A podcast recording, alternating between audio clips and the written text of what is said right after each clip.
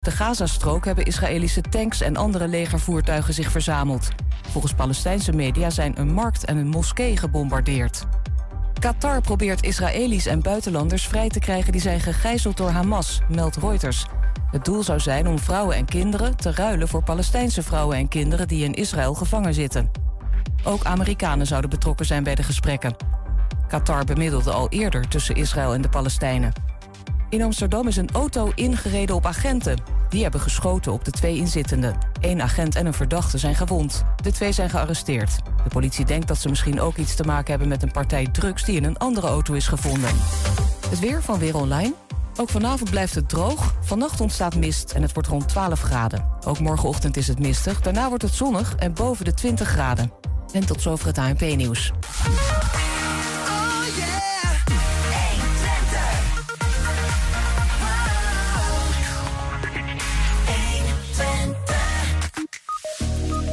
Dompelen ons onder in de wereld van hypnotiseur Rasti Rostelli... die met zijn nieuwe show naar Enschede komt. Het Mama Café in Hengelo viert haar tiende verjaardag... en we gingen langs bij een skateboard-interland in Enschede. Ook hebben we een nieuwe editie van In Depot... met vandaag het Janningscomplex in miniatuur. Het is maandag 9 oktober. Dit is 120 vandaag. 120. 120 vandaag. Ja, ik weet nog eh, dat ik als kleine jongen regelmatig over straat fietste... en dan aan mijn rechter of linkerzijde een lantaarnpaal zag met een poster erop. Rasti Rostelli met de hypnoseshow. En eh, nou ja, voor wie in de jaren negentig is opgegroeid... die kent hem van televisie, van uitverkochte zalen. Ehm, maar hij verdween in één keer vanuit het, eh, vanuit het niets bijna, van het toneel. We zagen minder die dingen aan de zijkant van de straat. Maar nu is hij terug. Hij is terug in eh, Enschede, aankomende vrijdag bij Zalencentrum De Vrieler. Maar hij is eerst bij ons. Rasti, welkom. Dankjewel. Voor, voor mij ben je een soort legende. Ja, nog. ja het is eh, de jaren negentig, wat je zei. Overal door het hele land, waar je ook ging. Die grote blauwe posters. Ja. Ja, mijn tijden zijn veranderd. Dus nu hebben we social media, waar we reclame voor maken. Maar eh, ja, we zijn mee bezig sinds ongeveer zes jaar. Je bent de hypnotiseur. Ja. Nou heb ik altijd een klassiek beeld voor me van iemand die met zo'n klokje voor je gaat staan en je valt nu in slaap. Is dat wat het is? Wat, is wat, wat, wat doe je eigenlijk? Kijk, het is zo, als je weet hoe de hersens in elkaar zitten... en hoe je onderbewustzijn en je bewustzijn werkt... dan kan je heel veel dingen mee doen. Het is natuurlijk gemakkelijk als je iemand heel diep onder hypnose hebt... omdat dan is die persoon niet meer kritisch. Dus dan laat hij helemaal los. En dan kan je in principe zijn onderbewustzijn eruit halen... en alles mee bereiken. Bijvoorbeeld, je kan iemand zover brengen dat hij stopt met roken... afvallen, of wat zijn doel ook is. En hij kan ook het onmogelijke mogelijk maken. En dat is wat ik in die show twee uur lang laat zien... hoe de menselijke brein in elkaar zit. Is dat puur eh, fysica bijna? Is het biologie? Of is het er ook een stuk paranormaal? Nee, eh? het is niets paranormaal. Veel mensen geloven dat hypnose iets met bovennatuurlijke krachten te maken heeft. Nee, het is een techniek. Een techniek die in feite iedereen kan leren. Net zoals gitaar spelen, zou iedereen kunnen. Wel moet je toegeven, je hebt Carlos Santana en je hebt normale gitaarspelers. Dus Wie ben jij? ik ben de Carlos Santana de hypnose. Hoe kan dat? Hoe ben je daar zo goed in geworden? Nou, ik was vroeger een manager. En ik had eh, een boekingskantoor. En onder andere zat ik in de horeca. Ik had vijf bedrijven. Maar die horeca lag mij niet, omdat ik rook niet, ik drink niet. En eh, dat managementbureau vond ik wel leuk om te doen. Organiseren, dat vond ik geweldig. En toen had ik een hypnotiseur gezien in Zuid-Amerika... toen ik op vakantie was. En ik vond het zo indrukwekkend wat ik voor het eerst gezien heb. En toen dacht ik, dat moet ik meenemen. En ik heb hem dan eh, naar Duitsland genomen. Want in Duitsland woon ik al 60 jaar. Ik woon nog steeds in Duitsland. En toen zijn we door Duitsland getoerd. En je kan je voorstellen, de Nederlandse mentaliteit is iets vrijer van geest, zeg ik maar zo. Maar de Duitse mentaliteit, nou, voordat je ze kan overtuigen van iets, dan moet je echt door de muur heen. En we hadden zo'n groot succes dat hij steeds meer en meer eiste qua financiële bijdrage. Terwijl we een vaste contract hadden, alles. En eh, op een gegeven moment ging dat niet meer. Toen heb ik gezegd, weet je wat, pak me de vo- volgende vliegtuig en ga terug naar huis. Ik doe de show wel zelf. Omdat ik had geen andere keuze. Ik had 40 contracten al getekend in vooruit. Dus ja, of boete betalen. En dat was meer dan 100.000. Dat was voor mij heel veel geld destijds. Of een andere oplossing vinden. En de enige oplossing was, ik doe het zelf. En in plaats van 100.000 betalen, ging het heel goed. Ging de andere kant op. Ja, omdat ik heb me altijd ervoor geïnteresseerd. Ik heb, omdat ik die man zag natuurlijk wat hij deed, interesseerde het me. Ik heb zo heel veel boeken gelezen in die tijd. Ik was helemaal ingedoken. En ik heb Was je zelf ook sceptisch? Als het gaat om hypnose, want dat is dan vaak mensen zijn een beetje sceptisch. Hè, van, eh, wat is dat precies? Kijk, ehm, ik heb iets. Ik oordeel nooit over iets wat ik niet met mijn eigen ogen gezien heb en meegemaakt heb. Eh, dat is de meeste mensen zijn anders. Ze hebben een bepaalde voorstelling en dan proberen ze hun voorstelling te bevestigen te krijgen. Dus bijvoorbeeld, als je niet aan corona gelooft, dan ga je alles opzoeken wat zegt dat corona niet bestaat. En als je wel in corona gelooft, ga je alles opzoeken om het te bevestigen dat het wel bestaat. En ik ben iemand, ik zeg altijd, Oké, ik heb nog nooit van gehoord. Ik heb geen mening. Ik wil het zelf zien en meemaken. Wat, wat vind je ervan omdat dat, eh, jij jarenlang hebt meegemaakt wat de kracht van hypnose kan, kan zijn? En dat er altijd sceptisch is? Tijd hebben. Kijk, eh, de sceptisch moet je ook zien van waar komt het vandaan. Je bent met iets bezig wat de meeste mensen niet begrijpen, om mee te beginnen. Tweedens, de mensen hebben een vastgestelde mening. En eh, ze, het is moeilijk om de mening te veranderen tenzij het zelf meemaken. En dan komt het derde probleem. Ook al nodig ze zich uit om mee te komen kijken, dan willen ze niet. Omdat dan zijn ze bang dat hun hele voorstellingskracht eh, in elkaar stort, in het kaartenspel. Dus Ja, is dat het of zijn mensen ook gewoon bang om onder hypnose te ze geraken? hoeven niet onder hypnose te geraken. Ze kunnen ook gewoon komen kijken, bijvoorbeeld. Maar ook dat doen ze niet. Dus kijk, als ik bang ben voor iets, begrijp ik. Maar in de zaal zitten tussen 300 mensen, waarvoor moet ik bang zijn? Het is een theatervoorstelling, in haakjes. Maar toch komen ze niet, omdat ze gewoon bang zijn dat hun beeld die ze hebben, plotseling in elkaar stort. Wij gaan zo meteen live eh, getuigen zijn ook. Van, eh, je gaat een demonstratie geven hier. Eh, daar ben ik ontzettend benieuwd naar. Ehm, maar ik begrijp ook wel dat hypnose dat het niet altijd lukt. Kijk, daarom zeg ik, eh, ik doe dit 40 jaar. En als ik de theatershows doe, dan zoek ik natuurlijk die mensen uit die ik nodig heb. In die zin van, ik vraag vrijwilligers die naar boven komen. Dan zijn het een stuk of 40 die vrijwillig op het podium afkomen. En dan selecteer ik diegenen die ik denk dat zijn de goede kandidaten. In dit geval heb je geen keuze. Jullie hebben twee eh, medewerkers ter beschikking gesteld. En ik heb ze net vijf minuten of tien minuten gesproken. Ik ken ze helemaal niet. Dus dan gaan we dat niet een soort hypnose, een soort beïnvloeding. In korte tijd, zodat ze iets kunnen presteren. wat je normaal gesproken onder volle bewustzijn van je geestelijke krachten. dat dat niet mogelijk is. Je zegt net van het, is eigenlijk, het heeft niks met eh, de paranormale wereld te maken of wat dan ook. Het is allemaal biologie. Is het ook als zodanig... Ja, techniek. Is het ook als zodanig eh, erkend? Want jij, jij doet eh, meer, hè? niet alleen shows, maar ook... eh, Sessies, privé-sessies, mensen van verslavingen afhelpen. Verslavingen, paniekaanvallen, eh, stress. het, hoe, hoe kijkt dan bijvoorbeeld de medische wereld daar nou? Ik kan me meteen voorstellen dat er doktoren zijn die zeggen... die Rostelli is een kwakzalver. Nee, omdat degenen die sociologie studeren, die doktoren, of die, eh, die neurologen, die mensen die als met de menselijke, de die met de menselijke geest bezig zijn, die weten dat hypnose bestaat. Hypnose is wetenschappelijk bewezen. Engeland was het eerste land ter wereld die hypnose wetenschappelijk eh, zeg maar, erkend heeft. En ook in het ziekenhuizen wordt heel vaak aangepast in Engeland en ook in Amerika. En dat was in jaar 1955. Dus als je echt met iemand die hoog opgeleid is en die normaal, zeg ik maar, eh, psychologie studeert heeft, of eh, neurologie, of, of gedragswetenschap, of in die zin, zou je nooit een discussie hebben of hypnose bestaat of niet, omdat eigenlijk gebruiken In de medische wereld geen discussie eigenlijk. geen discussie. In de medische wereld bestaat absoluut geen discussie dat hypnose niet bestaat. bestaat niet. Het zijn bewezen. Mensen zijn onder operatie, onder hypnose hebben ze, hebben ze mensen geopereerd om de pijn. Dat sommige mensen kan je niet verdoven. Die reageren niet op de narcose. Dus het is te veel wetenschappelijke boeken. En er is eigenlijk geen enkel wetenschappelijke boek die dat ontkent. Ja. In, in, jouw, in jouw shows ehm, eh, help je niet mensen van hun rookverslaving af, denk ik. Maar gaat het, is het ook theater en je, Nou, je ik, laat ze ze, ook ik los. help ze wel van het Ja? roken af, ja. Maar dat zijn natuurlijk een paar gelukkigen die dat geluk hebben. Omdat ik selecteer van die 40, 50 mensen die besten eruit. En die aan het einde op het podium nog blijven. Ja. Die help ik van het roken af, afvallen, stop mijn nagels bij. Het is ook kleine dingen, maar geen Ja. Maar goed, dat is moeilijk te zien. Maar wat we wel zien is eh, mensen die... Dingen eh, doen die gaan, normaal niet mogelijk plassen als een hondje. Ja, nee, zo ver gaan we niet. We houden het een beetje netjes. Maar je ziet wel eh, dingen gebeuren. Bijvoorbeeld als iemand wakker wordt en ik zeg hem, de hele zaal is naakt. Dus dan is dat natuurlijk hilarisch. Je, je bent weg en plots word je wakker en dan zie je 300 naakte mensen. Dat is het eerste wat je dan kijkt, wat gebeurt er hier?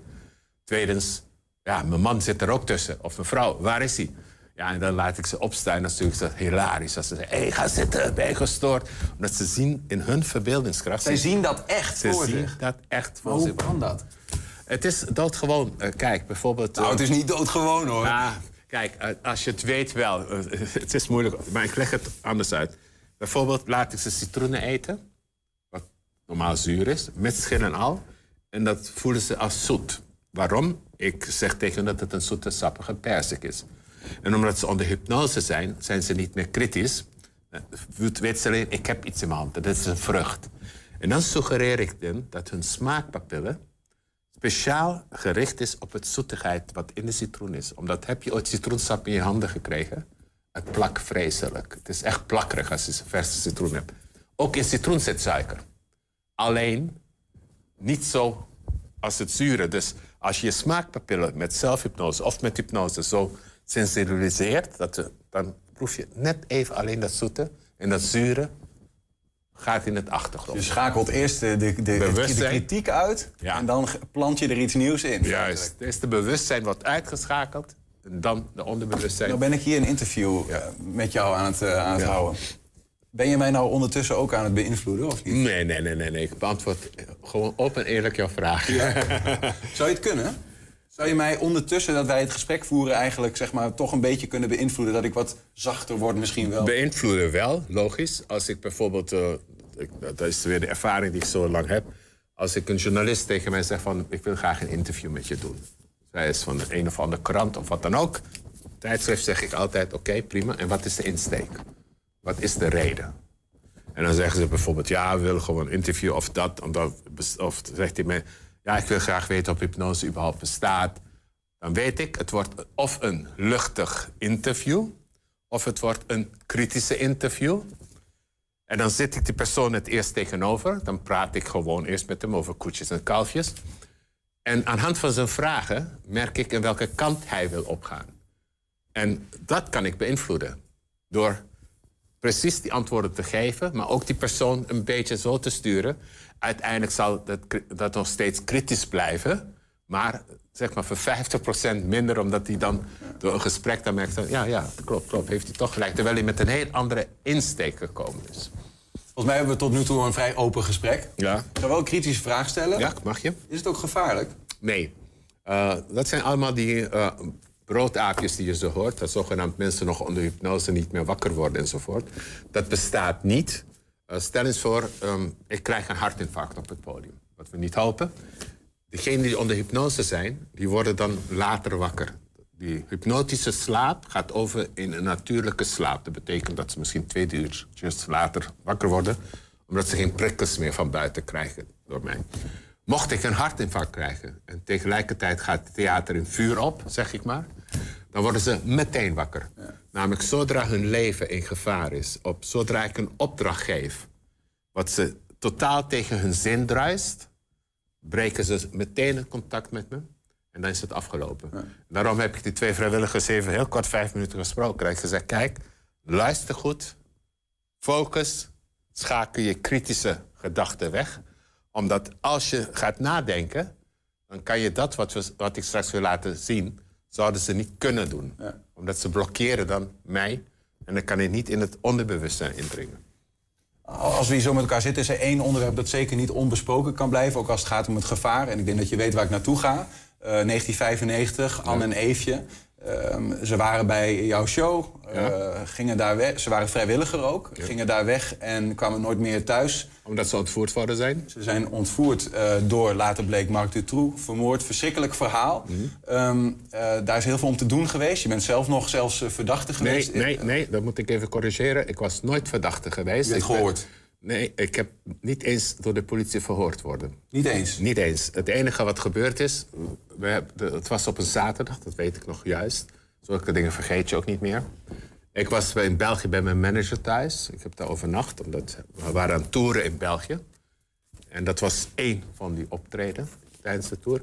En toen kreeg mijn manager een telefoontje van de politie. Dat, uh, dat, dat is er gebeurd. En ze hebben begrepen dat we elke avond videoopnames gemaakt hebben. Dat toen kon, er was nog videobandjes. En toen konden de mensen na de show een videoband bestellen. Zodat ze zichzelf op het podium kunnen zien.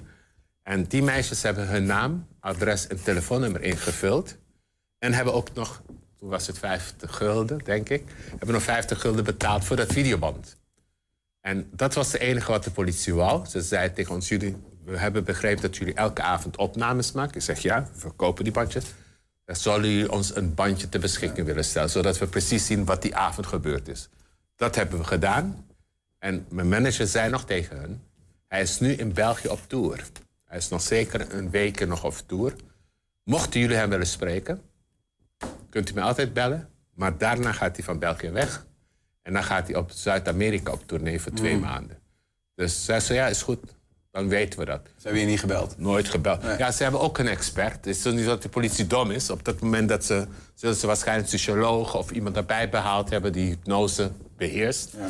En die heeft die bandje goed bekeken en dan de conclusie gekomen van, ja, het is oké, ja. ligt niet. Want, eh, dat was een beetje de, natuurlijk de gedachte die mensen hadden van... hebben die meisjes in hun misschien nog, uh, ja, zeg je dat, hypnotische staat... iets gedaan? Zijn ze anders gaan fietsen dan ze hadden gemoeten? Nee, of... nee, nee, dat enige was, de show is toen heel laat begonnen. We zijn met drie kwartier later begonnen als normaal... omdat het was aan de Belgische kust. Dus de mensen blijven op het laatste nippertje bij de strand liggen. En daardoor hebben ze ook de aansluiting gemist. Ze hebben de eerste bus gekregen. En toen ze moesten overstappen, die aansluiting hebben ze gemist. Hmm. En toen hadden ze nog ongeveer 15 kilometer te gaan. En toen dachten ze, weet je wat, we kunnen hier blijven tot morgen vroeg tot de volgende bus komt. Of we beginnen alvast te lopen. En toen zijn ze onderweg aangehouden. En dat ze zogenaamd onder hypnose nog zouden kunnen zijn, is niet zo. Omdat anders zou je niet je adres invullen en alles en keurig netjes betalen. Dus je bent bewust wat je doet. En het tweede ding, zelfs mensen die met bewakers rondlopen, met lijf, zeg maar met bodyguards en lijfwachten, die worden ontvoerd. Dus uh, als iemand je pistool aan je hersens houdt en zegt stap in of schiet je dood, dan heeft dat niks meer met hypnose te maken, je stapt er zo in. Ik kan me wel voorstellen dat het een bizar hoofdstuk in je leven is. Uh, nee, eigenlijk uh, een nee, omdat ik 100% wist dat ik niks mee te maken heb. Alleen vond ik het heel... Je hebt die meiden diezelfde avond nog voor je gehad en dan ja, ja, maar goed, uh, je moet je zo voorstellen. Ik deed die, in die periode 200 shows per jaar. Ja. Je gaat niet bij elke ding stilstaan. En zeker niet als je 100% weet, je hebt er niks mee te maken. Ik heb mijn plicht gedaan, ik heb die band afgegeven, politie. Politie wist waar ze me kunnen krijgen als ze antwoorden hebben. Het enige wat ik lastig vond, uh, en toch begreep ik het... in de eerste instantie, als je iemand iets doet, dan denk je van, waarom doe je dat? En als je dan even bedaard nadenkt, zeg je, oké, ik begrijp het de ene vader. Ik heb ze alle twee vaders van die meisjes uitgenodigd om naar de show te komen kijken, zodat ze een beeld hebben wat ik doe. De ene vader, Marshall, heeft het gezegd: nee, ik wil niks mee te maken hebben. De andere vader is gekomen. Die heeft daarna ook gezegd van, ah, ik zie het, geweldig, het is gewoon leuk amusement. En de andere vader bleef maar zeggen van, de meisjes waren in hypnose, die meisjes waren in hypnose. En op de eerste instantie was ik een beetje kwaad. Maar daarna komt mijn vader, hard naar buiten. Ik ben ook vader. En toen zei ik, ik mag die man niet kwalijk nemen... omdat zolang hij blijft trommelen en zeggen... het is hypnose, het is herstelling... zolang is er aandacht. En zolang er aandacht is, is er hoop dat die meisjes gevonden worden. Hmm. Dus heb ik al die aanklachten die tegen mij door de vader gedaan, geïnstrueerd wordt... heb ik gewoon genomen en ik heb begrip voor hem gehad. En het is ook zo. Daardoor dat hij jarenlang Precies een jaar later is het. Ik zat nog, weet nog waar ik zat, was het in de radio van... we hebben die meisjes gevonden, dat en dat in de kelder van de troe. Iets wat ik al lang wist dat ik niks mee te maken had... maar dan was het toch even een bevestiging van. Ja, en de kritische natuurlijk, die blijven alleen maar denken van... die meisjes zijn verdwenen na de show, heeft met hypnose te maken. Maar dat is omdat ze een reden zoeken natuurlijk... om negatief te zijn. Rasti, je bent terug.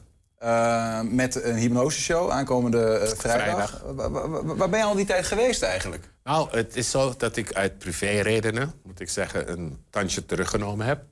Omdat uh, de mensen waar ik mee gewerkt heb, waren allemaal tussen de 20 en de 25 jaar bij mij in dienst. Ik had een kantoor met acht mensen die niks anders deden als management promotie. En één voor één vielen de mensen weg. Op een gegeven moment dacht ik, ja, ik ga niet meer naar een kantoor en met zoveel tussen. Ik gestopt. Uit privéreden ook. Ik dacht, nu heb ik mijn rust. Ik wil niet meer die stress hebben. Totdat ik een jonge man in jouw leeftijd ongeveer op straat ontmoet heb. En die tegen mij verteld heeft van...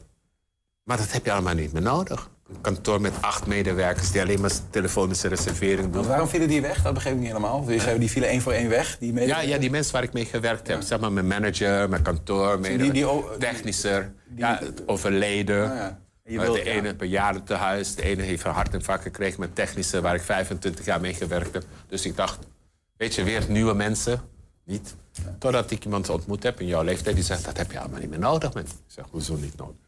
Ja, dan gaat alles via internet. Ik zeg, internet? Ik ben gestopt in de analoge tijdperk. Ik ben al 68. Dus... Die posters langs de kant van de weg, weet je wel. Dat, dat, was mijn manier van reclame maken. Ik zeg, internet? Ja, zeg, wat heeft het voor zin? Als het in Groningen verschijnt en ik treed in Venlo op... dan gaat niemand van Groningen helemaal naar Venlo. Ja, dat is niet zo. Je kan lokaal adverteren. Eén dag internet, worldwide, dus gaat overal. En toen heeft hij me de wegwijs gemaakt. Zo, zo moet je doen. Ik had niet eens een website. Als ik dacht, hoe gaan we kaarten verkopen? Ja, je moet een website hebben. Dus dat is het eigenlijk. Dat ik me langzaam in dit digitale teruggekomen ben... omdat ik het interessant vond. Ja. Mooi. Uh,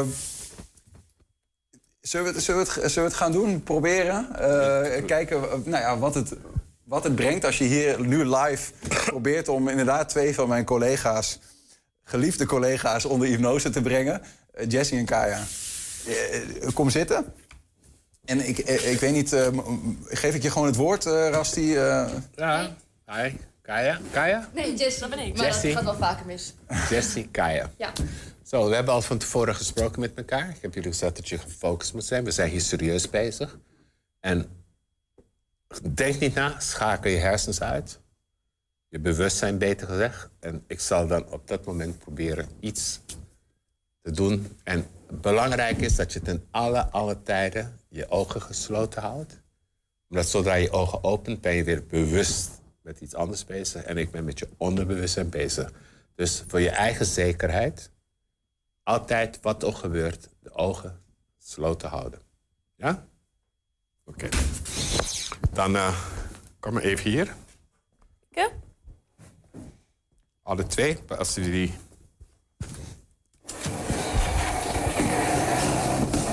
Eentje van jullie te gaan zitten.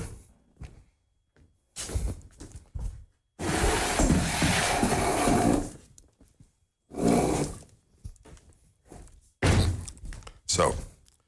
Zet je handen op je dij en sluit nu je ogen. Adem erbij regelmatig diep in en weer uit. Ook herhaal ik niet telkens opnieuw. Regelmatig diep inademen en weer uitademen. Laat je gedachten daarbij helemaal vrij door de ruimte zweven. En laat je erbij door niemand en niks meer storen. Geestelijk en lichamelijk zijn we alleen nog één persoon. Mijn wensen zijn ook jouw wensen. Je bent helemaal gefocust op mijn stem. Je bent helemaal afgesloten in je eigen bubbel, in je eigen wereld. En het enige contact wat je met de buitenwereld hebt, is mijn stem. En het klinkt aangenaam warm en ontspannend op je geest en op je lichaam. Het klinkt aangenaam warm en ontspannend op je geest en op je lichaam. En zodra ik je aanraak, voel je hoe een warmte door je hele lichaam doorstroomd wordt. Je voelt die warmte van mijn handen door je hele lichaam gaan. Je bent helemaal gefocust. Je voelt je goed, voelt je sterk. En je laat je daarbij door niemand en niks meer storen. Je ontspan je erbij meer en meer. Je ontspan je erbij meer en meer. Wees niet bang. Je hebt de macht en de kracht om alles te doen wat ik je zeg.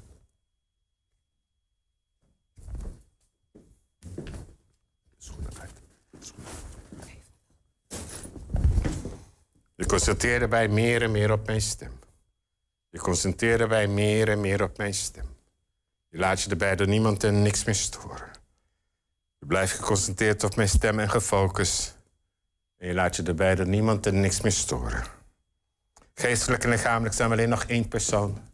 Mijn wensen zijn ook jouw wensen. En je ontspan je erbij meer en meer. Je ontspan je erbij meer en meer. Alles wat ik je zeg, wat voor jou nu realiteit. Alles wat ik je zeg, wat voor jou nu realiteit. En iedere gedachte heeft het streven zich te manifesteren. Iedere gedachte. In het begin is het een idee. En die idee wil zich manifesteren. Die idee wil realiteit worden. Iedere gedachte voor jou wordt realiteit. Alles wat ik je zeg, wordt voor jou in je onderbewustzijn realiteit. En twijfel nooit. En twijfel zijn grenzen. En de menselijke geest kent geen grenzen. Alles wat je geestelijk kan voorstellen, wil realiteit worden.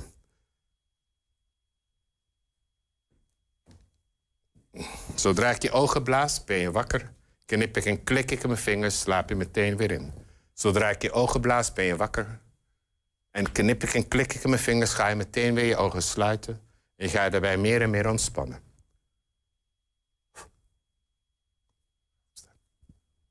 Op die stoel staan. Kom steeds dichterbij. Handen hierop. Aan de rand van die stoel. Zo wees niet bang, die stoel gaat niet omvallen. Sluit je ogen en concentreer je. Sluit je ogen en concentreer je. Ik hou je vast. Sluit je ogen en concentreer je. Je hebt de macht en de kracht. En nu stel je beter voor wat ik je ga zeggen. Je ziet het regelrecht voor je. Je gaat op kiezelstenen springen. Je gaat op kiezelstenen springen. Je gaat op kiezelsteentjes.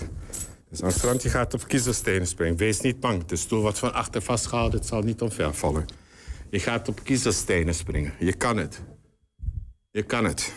Ik stel van 1 tot en met 3.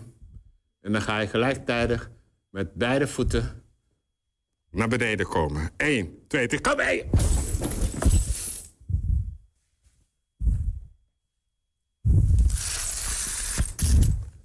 Niels, kom maar even. Je mag het... Controleer op het echte scherven zijn.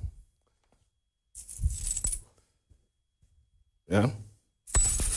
Hier. Ja. Ja. Ze breken. Hier, kijk, naar de voeten. Controleer haar voeten. Ze is met volle gewicht erop gegaan. Ja. Niks meer. Zodra ik je ogen blaas, ben je wakker.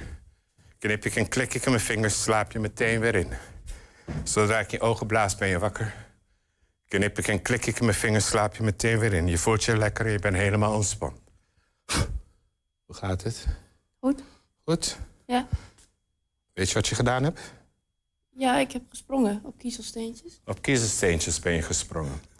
Kijk nou even wat onder die handdoek is. Ga ik gewoon weghalen. Oh, joh. Oh. Oh, god, god. waren kiezelsteentjes, ne? Nou. Ontspan je. Slaap dieper en dieper.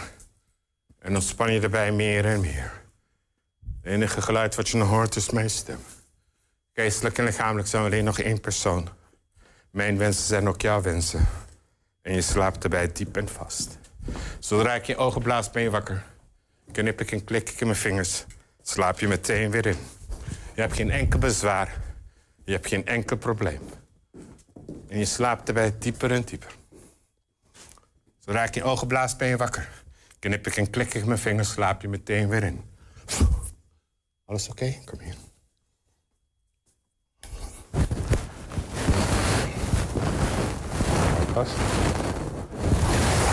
Dus twee kleine volt, zie je dit? Het zijn batterijtjes, alle twee handen. Je hebt ze vast. Knijp ze zo vast als je kunt. Sluit je ogen. Beide handen pers je nu tegen je lijf aan. Je bent een boom. Je bent geen mens meer. Je bent een boom. En die batterijen die je hebt, geef je al de energie die je nodig hebt. Die batterij die je hebt, in alle energie die je nodig hebt. Pers je handen tegen je zijkant. Ze mogen niet van je lijf af. Ze mogen niet van je lijf af. Pers je handen. Pers je handen. Ze mogen niet van je lijf af. Ze geven je de kracht. Je bent een boom. Je bent geen mens meer. Je bent een boom. Je bent een boom. Je bent geen mens meer, je bent een boom. Concentreer op dat wat ik je zeg. Je bent een boom. Een boom beweegt geen spier. Een boom beweegt geen spier. Je hebt de kracht. Je kan het, twijfel niet. Je bent een boom.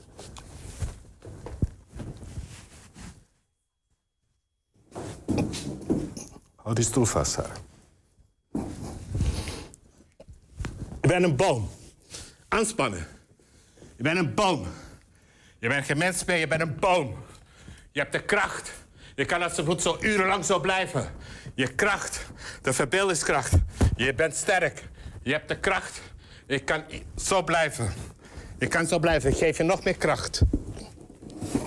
Ik geef je nog meer kracht. Ga me helpen. Ik geef je nog meer kracht. Je hebt de kracht en de macht. Alles wat ik zeg, wordt voor jou realiteit. Aanspannen. Aanspannen. Je bent een boom. Aanspannen. Aanspannen. Je bent een boom. Ja. Aanspannen. Je bent een boom. Ongelooflijk. Aanspannen. Je bent een boom. Benen is naar beneden. Eerst.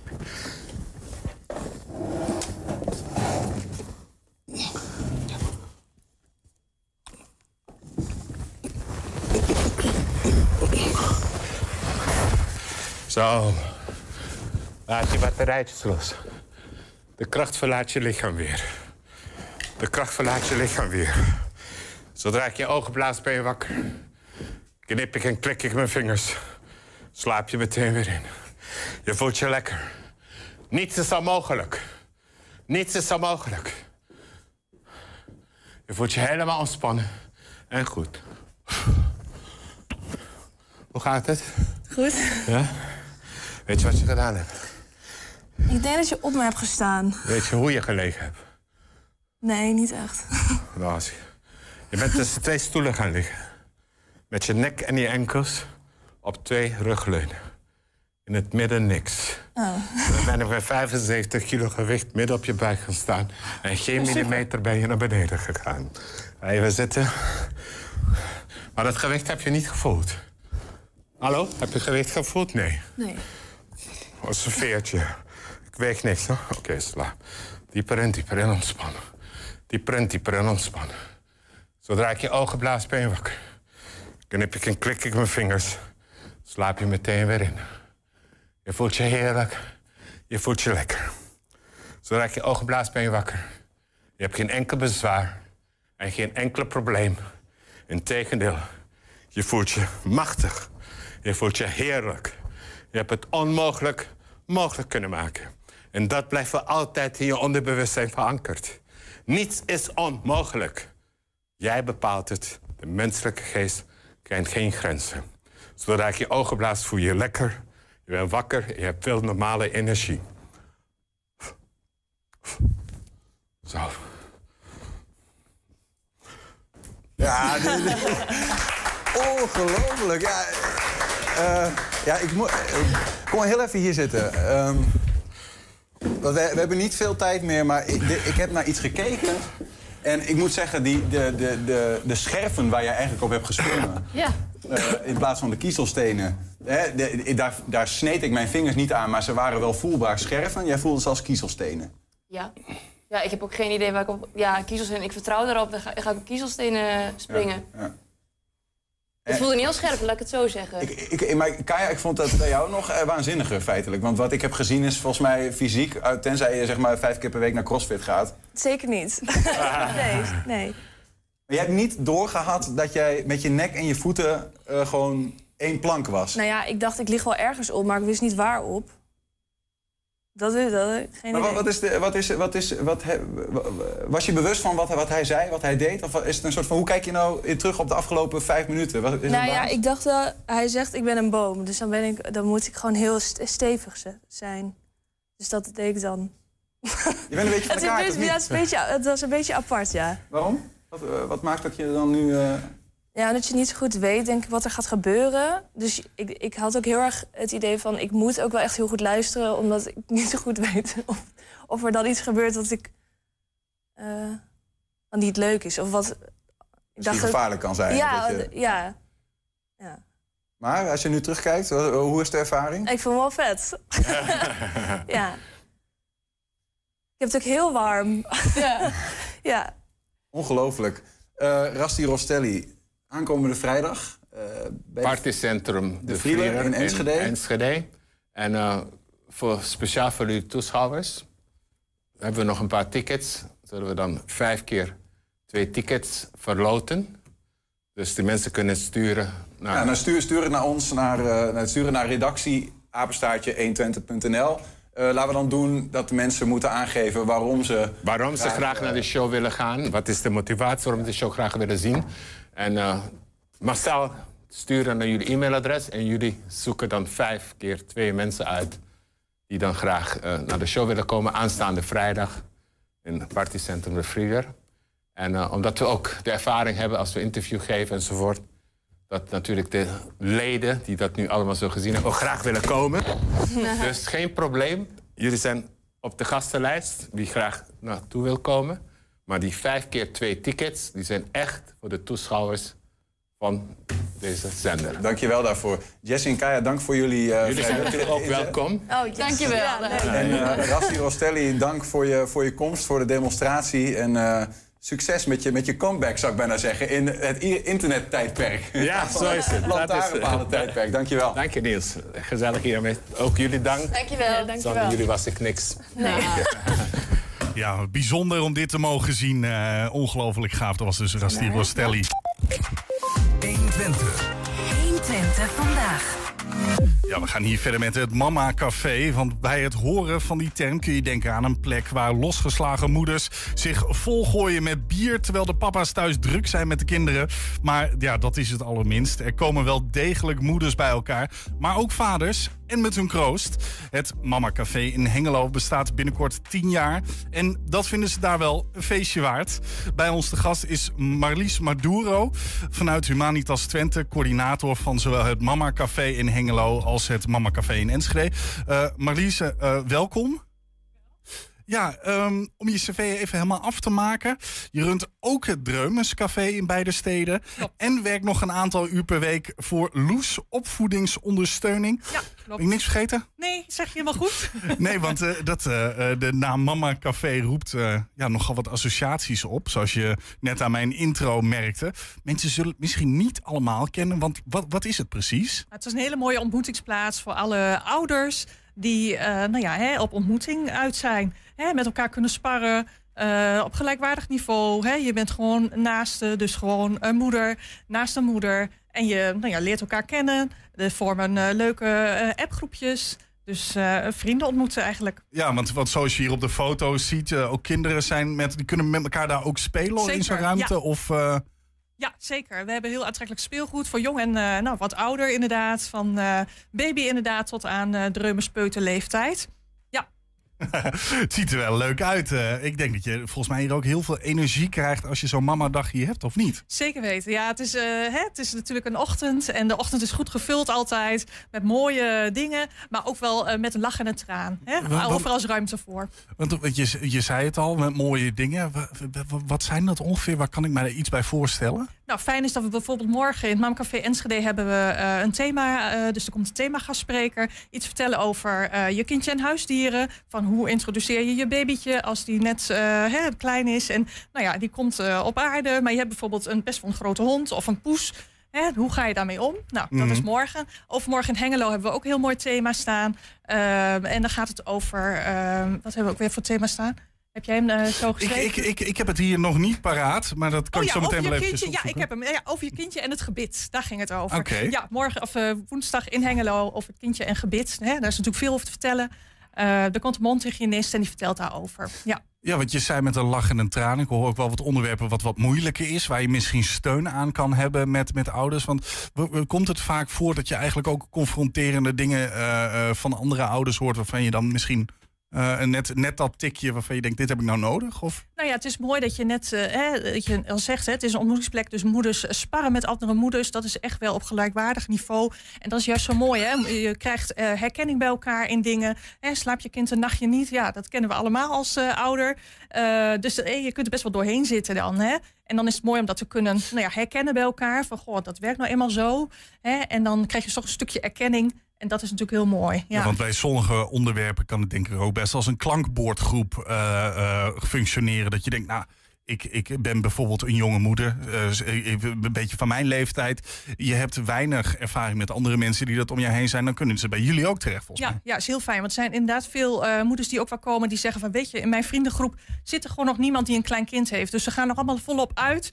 En ik trek dat gewoon niet meer. En ik zit eh, met oppas. En, hè, dus er zijn andere dingen gaande wanneer je ja, het ouderschap ervaart. Ja. mij. Ja, omdat we natuurlijk ook wat tip. Wat zou, wat zou jij dan als tip meegeven als, als de casus wat je net zei zou gebeuren? Ja, dat iemand dus lekker uit wil, bedoel je? Ja. Nog? Eh, nou, dat is heel mooi. Gewoon doen, vooral. Als je dat trekt althans. Want dat is het wel vaak. Hè? Als ouder ben je vaak wel best wel back af aan het einde van de dag. En dan is het ook wel lekker om gewoon lekker op de bank. En hè, mee te slapen wanneer je babytje ook mee sla- slaapt. Dus dat is ook helemaal oké. hè? dus dat moet er ook gewoon zijn. Maar inderdaad, het is heerlijk om af en toe even aandacht aan elkaar. Hè? Heb je een partner, dan is het heel fijn om even toch eh, momenten met elkaar te hebben, juist. Hè? En aan, de, aan die relatie te werken. Want eh, als je eenmaal een eh, kleintje hebt, dan schiet dat er wel eens bij in. Ja, want eh, eh, eh, als we het nog heel even over het Mama Café. eh, ook papa's komen daar. Is dat omdat dat de tijdgeest inmiddels ook zo is dat papa's de kinderen veel mee opgroeien? Ja, zeker wel. Ja, ja, hè. Iedereen kent eigenlijk de zogenaamde papadag wel. Hè? Nou ja, hè, dat, eh, ik ben op zich niet zo van die term, maar heel veel eh, hè, herkennen dat wel. Ehm, het is gewoon heel fijn dat eh, hè, de verdeling daarin wel aan het veranderen is, hè, de oude rol. Dus dat is heel mooi. Dus inderdaad, wij krijgen regelmatig ook wel vaders. En zeker in het Reumerscafé nog wel ja, behoorlijk wat. En Ja. komen die dan een beetje met dezelfde vragen naar zo'n Mama Café toe als dat de moeders komen? Of hebben zij toch nog een, een speciale blikken op waarvan je denkt, hé, hey, dit is best een leuke toevoeging? Ja, ik denk dat zij wel net iets anders staan eh, in het ouderschap. En dat mag er ook zijn. Dat is ook mooi. En mooi juist dat er verschillen zijn. En Wat- wat- is zo'n verschil? Als je- nu wil ik het eigenlijk ook wel even ja, weten. dat is een hele goede vraag. Ja, ik zit ook al even snel te denken natuurlijk. Nee, ik denk dat, eh, hè, dat het ook wel eh, dezelfde dingen zijn, maar er zijn ook wel wat nuanceverschillen. Ik denk dat een vader ook wel heel erg denkt van ja, weet je, met een baby kan ik niet zoveel. Het zou zo fijn zijn als die ouder is en dat ik dan allerlei dingen kan doen. Hè? Dus de vaders zijn wel meer doeners nog steeds, denk ik. En eh, ja, willen echt wel hun kroost nou ja, meenemen hè, de- naar de voetbal of wat dan ook. Hè? Dan even heel, eh, ja, heel generaliserend. Maar eh, er zijn ook vaders die gewoon inderdaad de luiers tegenwoordig lekker verschonen en, eh, en, en dragen. Hè? Kindje ook in draagdoeken meenemen. Dat mag er allemaal zijn. Ja, juist fijn. 2011 zijn jullie begonnen in Enschede, eh, 2013 in Hengelo. Eh, ik neem aan dat er toen een grote vraag was. Is die er altijd ook gebleven? Ja, we zijn eigenlijk heel stabiel in eh, eh, gastenaantallen die er komen. Dus dat is heel fijn. Ja, ja. Want Juist. om hoeveel, hoeveel gasten moet, gaat het ongeveer? Een, een Ja, en kleine dat schatting? fluctueert natuurlijk wel, want het Ja. hangt ook af van het aantal geboortes op zo'n moment. Dus we houden het wel altijd heel goed vast, eh, eh, goed bij. Want we moeten daarin, we krijgen subsidie van de gemeente, dus we doen een stukje rapportage natuurlijk naar de gemeente, is ook logisch. Eh, dus maar op dit moment zitten we ongeveer rond 10 gasten in zo'n Mama Café. En een Drummerscafé draait meestal rond 15 gasten. Ja, Oh, dat is, is nog aardig wat. ja het is best wel vol. Zijn, zijn- het lange ochtenden dan dat je bezig bent? Is het gewoon de hele ochtend helemaal volgepland? Of heb je ook nog wel even ruimte om, eh, om goed te ontbijten? Of eventjes tussendoor wat dingen te doen? Nou, het is van tien tot half twaalf. En eh, nou, de meeste ouders zijn wel eerder op. Hè? eh, zeker met een baby, dan ben je echt wel eerder op.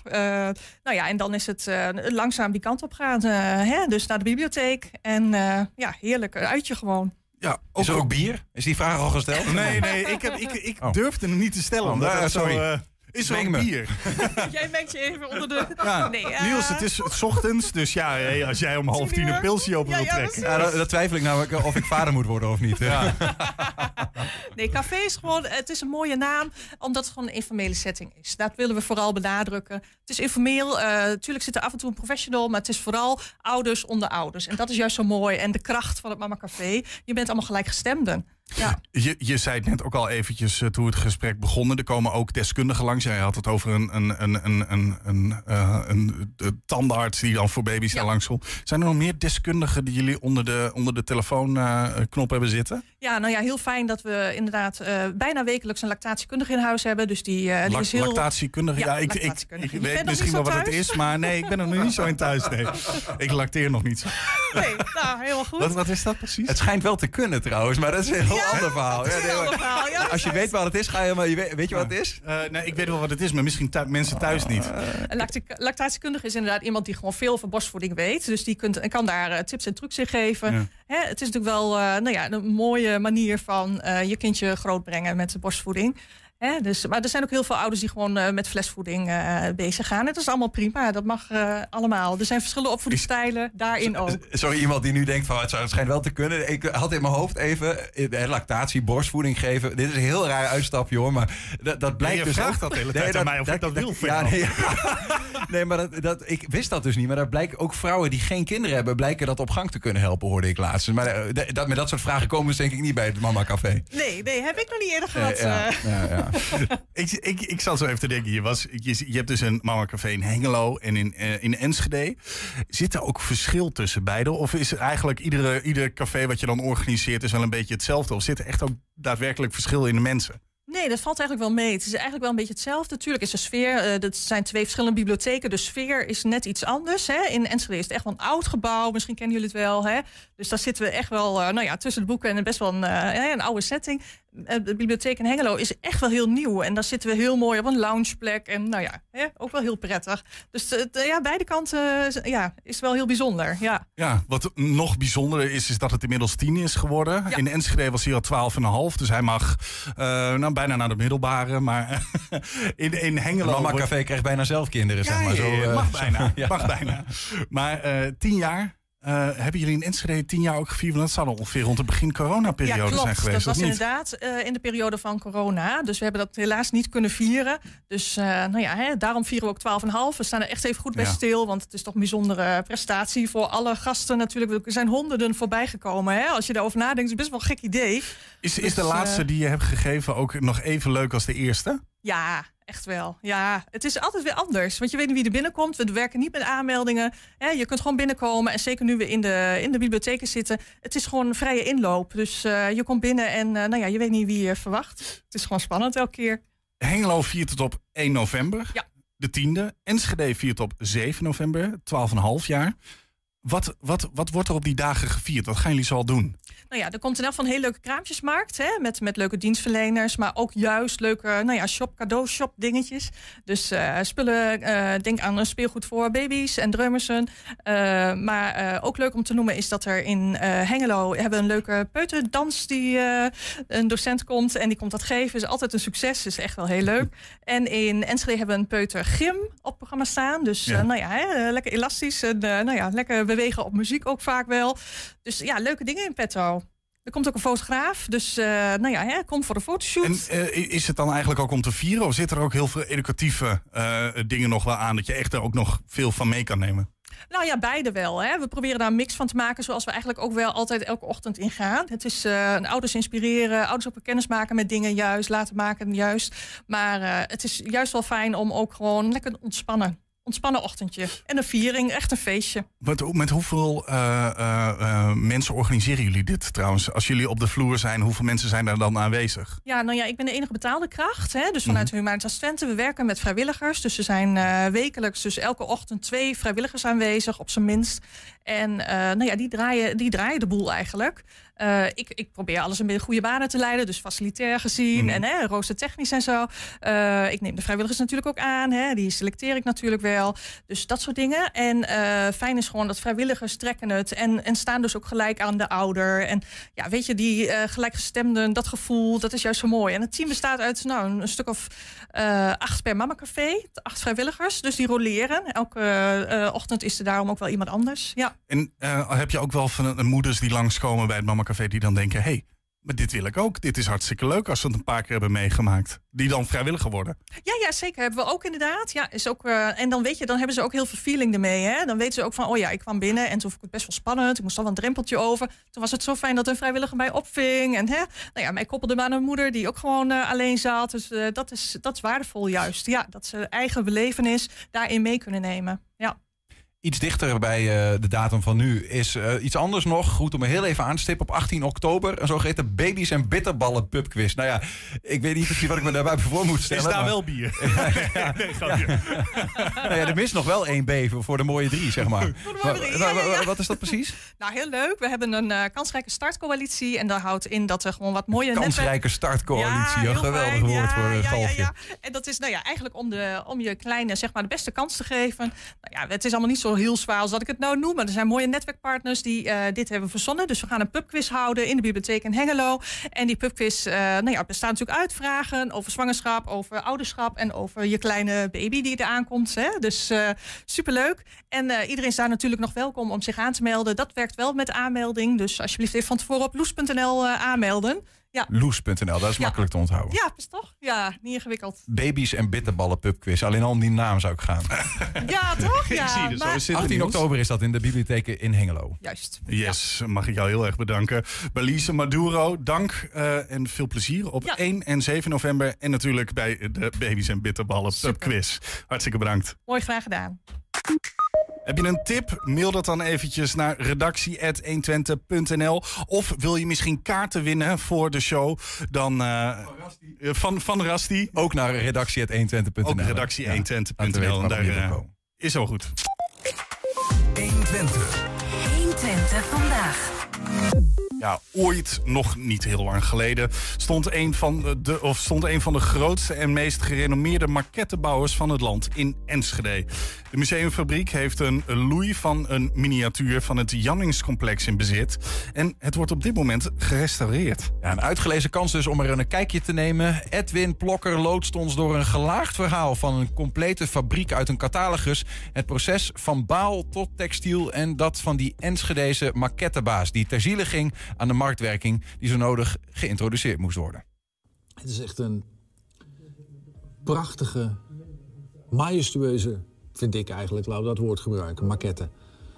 Um, een maquette van het Janningscomplex. We gaan zo meteen met Edwin het verhaal vertellen van deze maquette.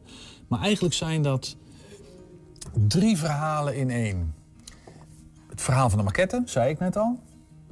De bouw daarvan, de reden waarom. Het verhaal van de fabriek, het Janningscomplex, een belangrijk deel van die fabriek, staat nog hier in Enschede. En dan ook het verhaal van eigenlijk het hele productieproces. Van katoenbaal via de spinnerij, dus wat je hier ziet, tot aan de weverijen en dan uiteindelijk nee, goed, het eindproduct. Ehm, ik ben heel benieuwd. Het is fascinerend om te zien. Er wordt aan gewerkt op dit moment. Heel benieuwd wat dat verhaal gaat inhouden.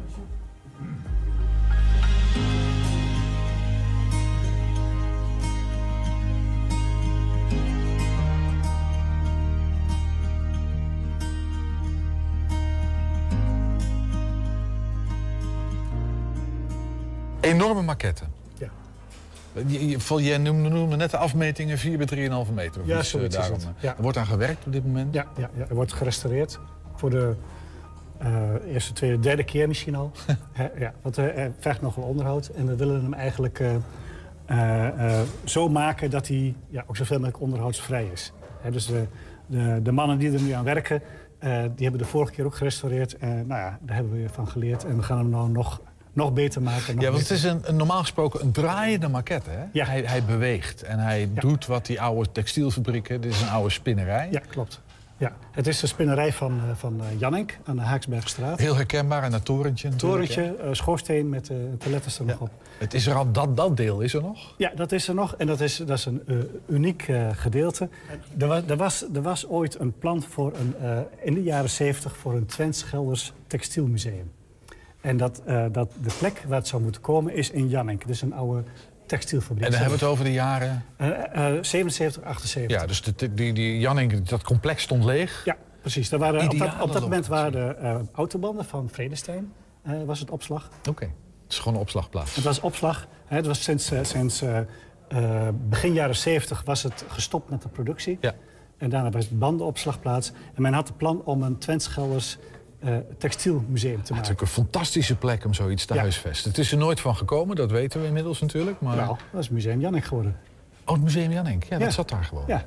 Okay. Dus dat is, uiteindelijk is dat gerealiseerd. Het is van voor mijn tijd. ja, en, en, uh, en zij hadden het idee van hoe leuk zou het zijn... als je in die Jannik, in die fabriek dat je daar een miniatuur Jannik krijgt. Dus een soort drosten-effect. En dat je daar dan weer in kan kijken van wat er eigenlijk vroeger gebeurde in die fabriek. Ja, hoe het er vroeger uitzag. Hoe het er vroeger uitzag, hoe het productieproces ging. Dus eigenlijk, hè, want het is een spinnerij. En ze wilden eigenlijk in die maquette wilden ze aangeven hoe het proces was van katoenbal tot aan draad. Nou ja, en dit is die maquette. Die, die maquette is er ook echt gekomen. Klopt. En, en ze gaven die opdracht eh, eh, eh, aan de DCW.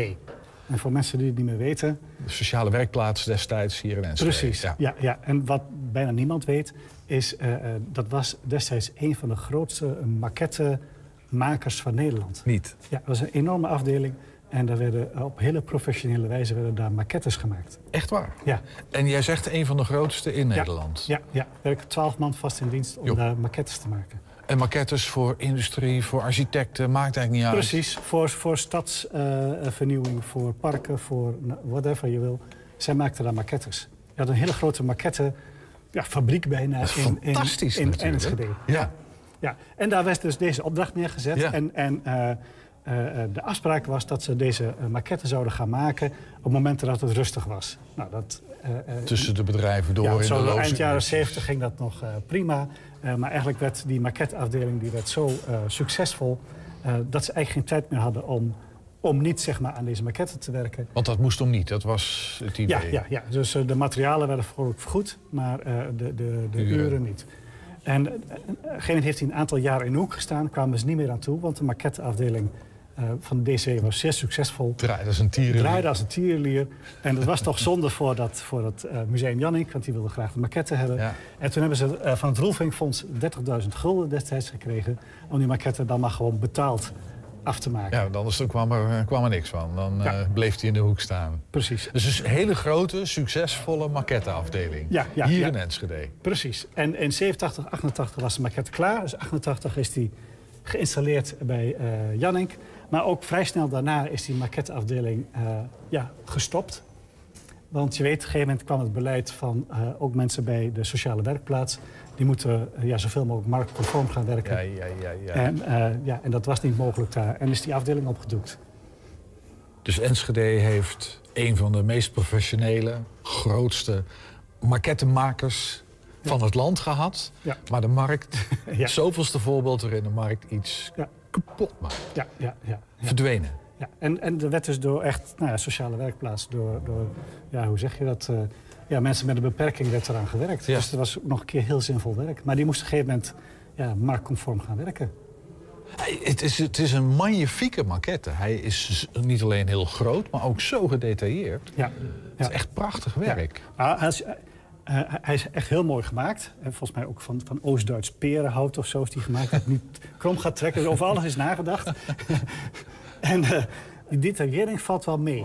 Oké. Ja, want als je in het echt gaat kijken eh, eh, en, en je bekijkt naar de maquette... dan zie je dat toch eigenlijk wel veel details ontbreken. Het is wel in grote lijnen, maar dat was ook de opdracht... om in grote lijnen eh, het eh spinproces weer te geven. Hè, dus eh, eh, ja, eh, het principe. Een globale weergave daarvan. Ja, ja. Je hebt een folder in je hand. Ja, nou ja, dit is van die DCW maquettebouw. En het grappige is, dat, ja, daar, pri- daar, daar prijzen ze zichzelf aan. Ja. En het grappige is dat in deze folder, eh, daar zijn ze net aan het werk eh, met deze maquette.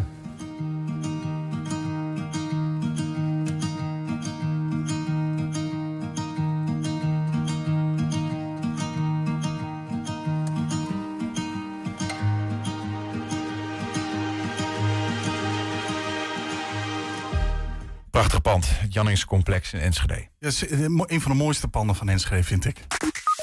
Voor een mooi dakterras trouwens. Dat weet ik niet. Regelmatig een nieuwjaarsnacht eh, op eh, doorgebracht. Mooi over de Zuidwijken heen kijken. Daar wordt gigantisch veel vuurwerk afgestoken in Enschede Zuid, weet ik. Derhalve. Eh, leuk dat je keek, leuk dat je luisterde. We zijn er morgen weer. Vanavond om 8 en 10 uur is het terug te zien. Daarna zometeen 5 uur voetbaltijd met Jozef Hosting. 120. Weet wat er speelt in Twente.